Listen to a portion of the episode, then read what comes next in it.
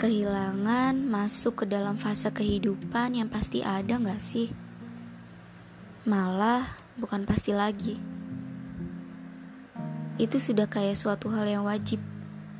Ya, wajib kita hadapin. Semua manusia pasti pernah kehilangan. Apa pun. Kehilangan benda, ingatan, pacar, keluarga, teman, bahkan diri sendiri.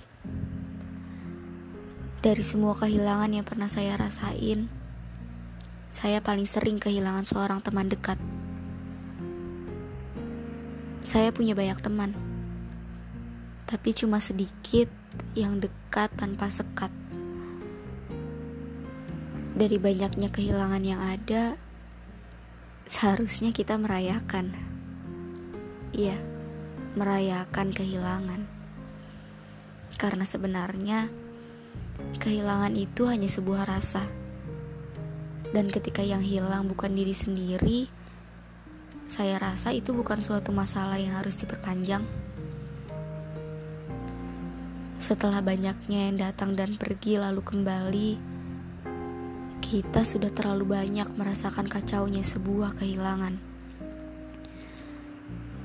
Jadi jangan sampai kamu kehilangan kamu.